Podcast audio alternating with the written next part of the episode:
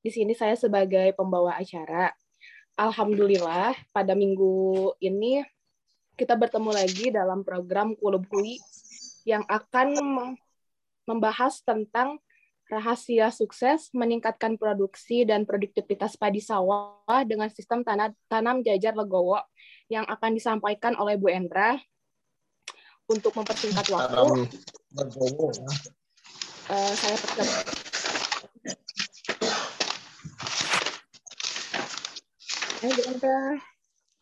Terima kasih kepada moderator Ibu Yuni yang telah membuka acara Kulubui pagi ini. Assalamualaikum warahmatullahi wabarakatuh. Waalaikumsalam warahmatullahi wabarakatuh. Syukur senantiasa kita panjatkan kehadirat Allah Subhanahu wa taala yang mana alhamdulillah pada pagi ini kita dapat melaksanakan Zoom Kulubui dengan judul Rahasia Sukses Produksi dan Produktivitas Padi Sawah dengan Sistem Jajar Tanam Legowo. Salawat serta salam semoga terlimpah curah kepada junjungan Nabi kita Nabi Yana wa Habibana Muhammad Shallallahu Alaihi Wasallam. Perkenalkan nama saya Indrah Kusmiawati. Saya adalah salah satu penyuluh pertanian di DPP Kecamatan Karangtengah dan wilayah binaan saya adalah Desa Ciherang, Kabupaten Langkat. Eh, terima kasih kepada semua yang dapat hadir pada Zoom pagi ini, para petani, para penyuluh pertanian di Kecamatan Karangtengah, juga di Kecamatan Cibeber ada Pak Kus, satu nuhun Pak Kus. Eh, dalam kesempatan ini saya akan memberikan informasi tentang sistem jajar legowo. Eh, pada pagi ini kita sama-sama akan berdiskusi dan bertukar informasi tentunya pasti banyak pengalaman yang telah dilaksanakan di lapangan tentang Nidar Legowo. Selanjutnya,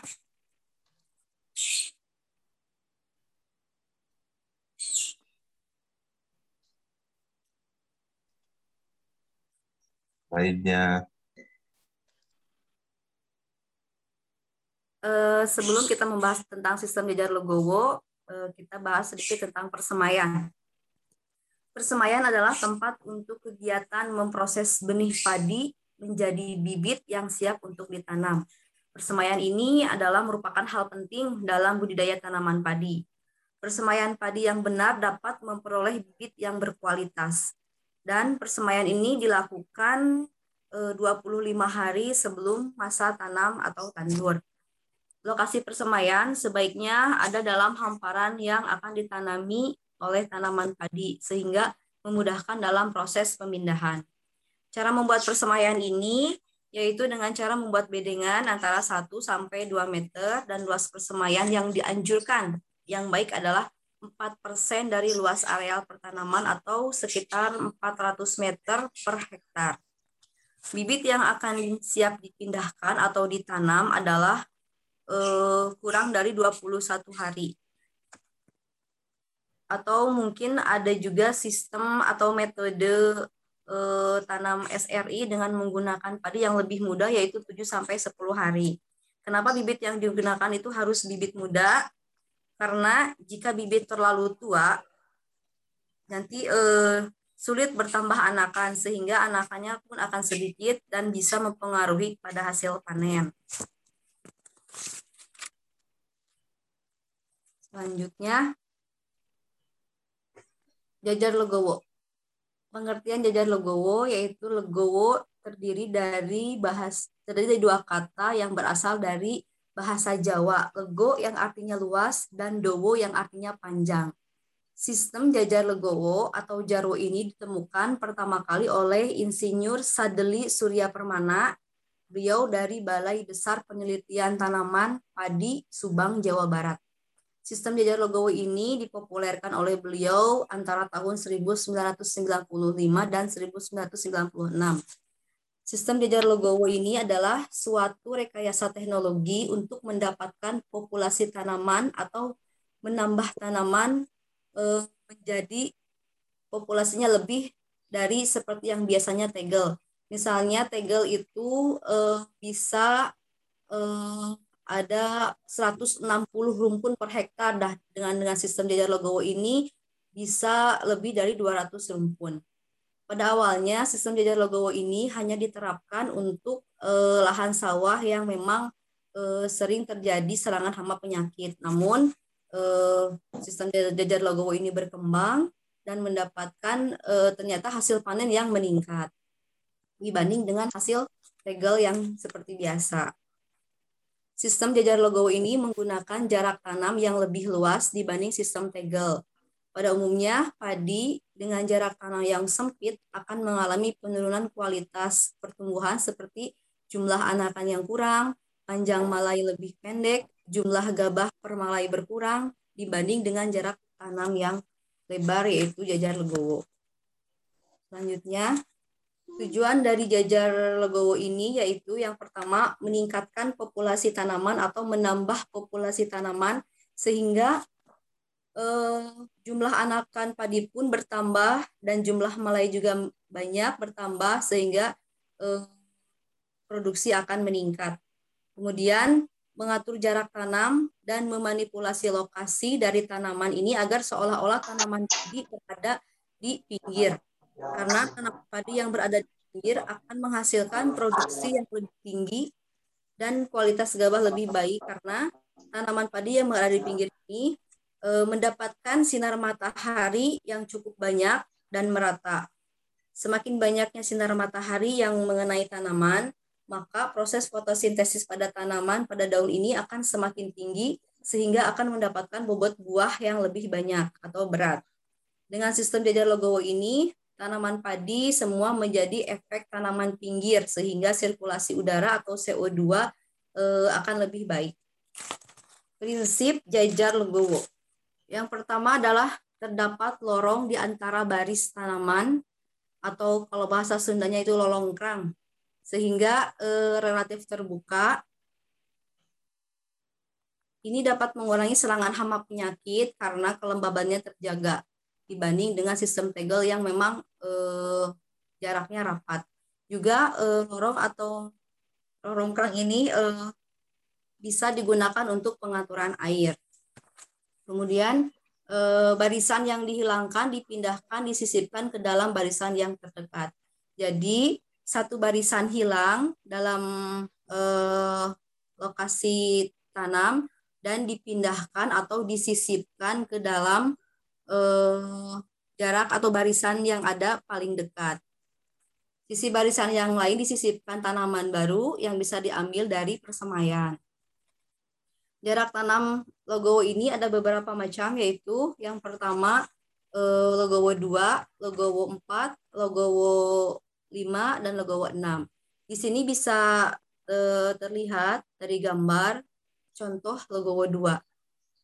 Eh, untuk jumlah rumpun biasanya dengan jarak tanam tegel itu adalah 160 rumpun sedangkan dengan jajar logowo 2 bisa e, menambah populasi menjadi 213.300 rumpun. Dengan logowo 4 bisa menjadi 256 rumpun dan dengan logowo 4 dengan caplakan 20 10 40 bisa menjadi 400 rumpun. Ini adalah e, contoh peningkatan populasi tanaman yang meningkat e, dengan sistem jajar legowo dengan jajar logowo 2 itu terjadi peningkatan populasi menjadi 30 persen, dengan jajar logowo 3 25 persen, dengan jajar logowo 4 20 persen, jajar logowo 5 peningkatannya 16,6 persen, dan jajar logowo 6 peningkatannya adalah 14,29 persen. Selanjutnya adalah manfaat atau eh, kelemahan dari tanam sistem jajar logowo ini yaitu uh, bisa dibilang kelemahan karena mungkin ada uh, hal yang tidak biasa. Yang pertama adalah bertambahnya tenaga tanam atau pekerja tandur karena semakin banyaknya tanaman yang ditanamkan otomatis tenaga kerja harus bertambah. Yang kedua, membutuhkan benih yang lebih banyak dibanding sistem vegetable yang biasa. Kenapa? Karena populasinya bertambah, otomatis eh, penggunaan benih juga ikut bertambah. Ini adalah manfaat atau keuntungan dari sistem tanam jajar legowo. Yang pertama adalah sinar matahari merata masuk ke dalam rumpun atau areal tanam. Dan yang kedua adalah mudah dalam pemeliharaan. Yaitu pemupukan, penyemprotan, pengendalian OPT dan gulma sehingga adanya lorong eh, di antara baris jajar logowo itu dapat memudahkan petani dalam eh, ngawur ngawur pupuk. Jadi petani berjalan eh, di lorong tersebut. Kemudian penyemprotan juga menjadi mudah, petani bisa eh, menyemprot, tidak harus eh, menyuai. Kalau sistem tegel itu harus disuai, tapi ini ada lorong jadi dia bisa berjalan di antara lorong-lorong tersebut. Kemudian pengendalian OPT juga dan gulma. Pengendalian OPT ini eh, misalnya hama tikus, hama tikus biasanya itu eh, dia senang di tempat gelap dan dia juga eh, di tempat-tempat yang eh, gelap seperti itu. Jadi kalau misalnya di sistem logowo ini karena adanya lorong jadi mungkin si tikus dia tidak berani untuk berkeliaran karena adanya jarak, adanya lorong. Kemudian pengendalian gulma atau penyiangan jadi lebih mudah.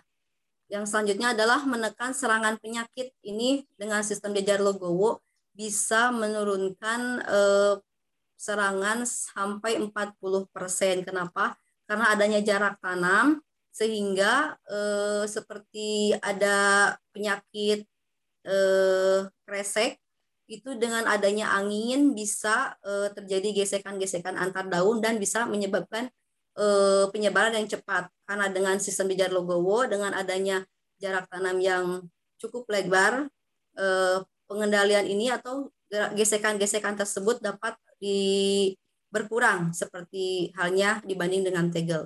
Kemudian yang terakhir adalah berpeluang untuk mengembangkan sistem minapadi karena adanya eh, lorong bisa dimanfaatkan untuk menanam padi eh menanam eh, ikan. Mengoptimalkan penggunaan lahan itu tergantung tapi eh, tergantung juga dengan ketersediaan air dan curah hujan. Jadi ada sebagian lokasi yang memang bisa eh, dilaksanakan mina padi ada pula yang memang eh, tidak. Ini adalah contoh dari sistem tanam jajar Logowo 2. Di sini terlihat ada dua barisan eh, tanaman padi, kemudian satu kosong, ini adalah lorong yang kosong, kemudian dua tanaman padi lagi, dan ini seterusnya seperti itu. Ini adalah contoh Logowo 2 dengan sisipan-sisipan yang ada di eh, baris-baris tanaman padi tersebut. Selanjutnya, ini adalah logowo 3. Contoh logowo 3 seperti ini. Ada tiga baris, tiga baris eh, tanaman padi. Di antara baris pertama dan baris ketiga itu disisipkan eh, tanaman-tanaman yang baru. Kemudian ini ada lorong, kemudian eh, logowo 3 selanjutnya lagi. Selanjutnya contoh untuk logowo 4, ini contoh logowo 4. 1, 2, 3, 4 di antara baris pertama dan baris keempat disisipkan eh, tanaman padi. Ini lorong dan selanjutnya seperti itu. Ini adalah contoh-contoh eh, pelaksanaan tanam jajar legowo seperti ini. Ini contoh jajar legowo 2. Sisipannya disimpan di antara di antara baris-baris tanaman padi. Ini adalah contoh eh, tanaman padi yang menggunakan perbandingan sistem tegel dan sistem jajar logowo. Terlihat di sini bahwa dengan sistem tegel tidak ada lorong, sedangkan sistem jajar logowo ada lorong yang membentang ke depan sehingga terlihat jelas eh, ada tempat atau ada ruang untuk bisa dimanfaatkan tadi bisa sebagai pemupukan, penyiangan, juga dapat mempermudah untuk eh, pemeliharaan dan bisa pengamatan juga dapat mempermudah petani untuk melihat apakah nanti di lahan sawahnya ada hama, apakah ada penyakit, sehingga terlihat jelas. Seperti misalnya ada serangan hama WBC, biasanya orang batang coklat ini menyerang pada batang tanaman padi paling bawah, sehingga dengan sistem bijak logowo ini sangat bermanfaat karena tidak perlu disuai seperti e, tanaman tegel. Bisa dilihat dibuka di, di bawah batang padi, terlihat ada warang batang coklat sehingga bisa dapat cepat dikendalikan dan penyemprotan warang batang coklat ini biasanya harus langsung ke dalam e, batang padi tersebut sehingga logowo ini bermanfaat karena bisa dengan mudah petani langsung menyemprot ke dalam semua bagian batang-batang e, tanaman padi tersebut. Ini adalah eh, contoh-contoh panen Panen padi dengan menggunakan sistem jajar legowo sesuai dengan pengalaman petani yang pernah dilaksanakan di Kecamatan Karangtengah itu dengan legowo 2 bisa menghasilkan panen 7 sampai 8 ton per hektar untuk eh, tanaman padi sawah dengan sistem jajar legowo. Eh, untuk eh, sistem tanam jajar legowo ini selain menambah benih padi, selain menambah juga kerja tandur juga harus ditambah pemupukan karena di dalam tanam jajar legowo tadi populasi meningkat, otomatis ada tanaman baru yang datang sehingga dengan sistem tegel biasanya misalnya menggunakan pupuk urea satu kintal bisa e, ditambahkan menjadi satu kintal setengah. Tapi pemupukan ini tentunya harus e, tergantung pada spesifik lokasi, spesifik lokasi ya, karena setiap e, kecamatan, setiap wilayah itu berbeda-beda, jadi tidak bisa ditentukan berapa kintalannya yang tepat untuk sistem tanah jajar Logowo ini. Hanya ini sebagai referensi saja untuk eh, sistem jajar Logowo yang telah dilaksanakan di Kecamatan Karangtengah oleh Bapak Haji Endang di Desa Sukamanah.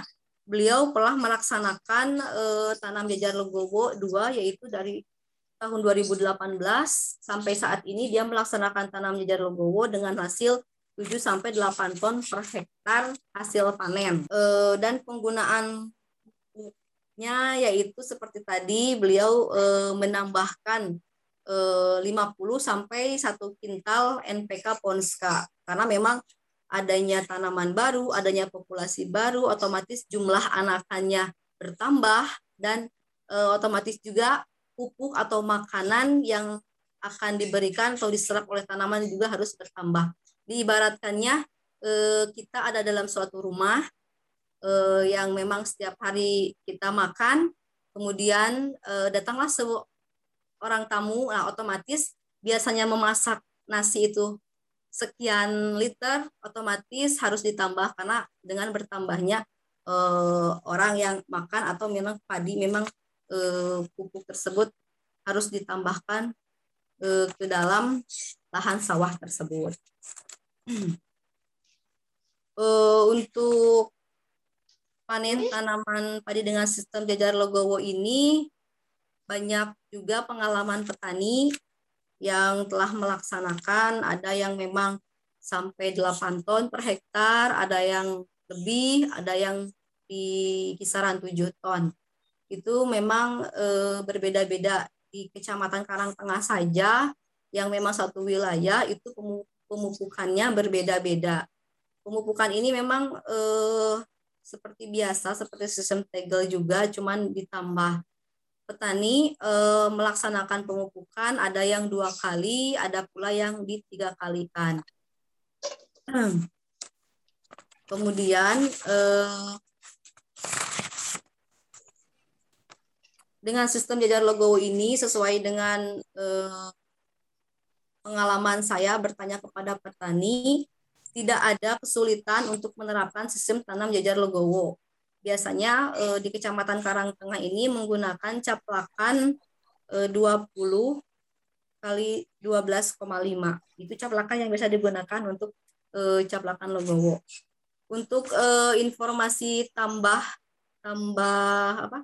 tambah HOK atau tambah tenaga kerja tanam eh, ini sesuai dengan pengalaman Pak Haji Endang. Biasanya Pak Haji Endang eh, dia eh, memperkerjakan ibu-ibu tandur dengan sistem tegel biasanya 16 orang, tapi dengan dia tanam di Jarlogowo itu bertambah menjadi eh, totalnya 20 orang. Jadi ada penambahan eh, HOK atau eh, ibu-ibu tandur dalam pelaksanaan eh, sistem tanam jajar logowo ini. Kemudian untuk anakan, anakan pada tanaman padi ini ada beberapa pengalaman petani yang memang eh, dengan sistem jajar legowo ini dengan jarak tanam yang berbeda dari biasanya bisa menambah jumlah anakan. Biasanya dengan sistem tegel itu 22 sampai 25 eh, anakan pun ini dengan sistem jajar legowo bisa sampai 32 sampai 35 uh, anakan perumpun. Mungkin itu di wilayah Kecamatan eh, Karangtengah di desa di desa Ciherang juga di desa eh, Sukamana tidak menutup kemungkinan jika di desa-desa yang lain atau di kecamatan yang lain dengan spesifik lokasi yang berbeda dengan eh, keadaan wilayah yang berbeda bisa eh, menjadikan anakan pada rukun tersebut jumlahnya juga bisa mungkin saja bertambah. Itu saja mungkin informasi dari saya tentang sistem tanam jajar Legowo. Terima kasih untuk yang bisa hadir pada pagi ini menyimak informasi dari saya tentang sistem tanam jajar Legowo. Di sini mungkin uh, kita bisa berdiskusi Bapak Ibu semuanya, Bapak petani, Bapak penyuluh, Ibu penyuluh tentang pengalamannya melaksanakan sistem tanam jajar Legowo.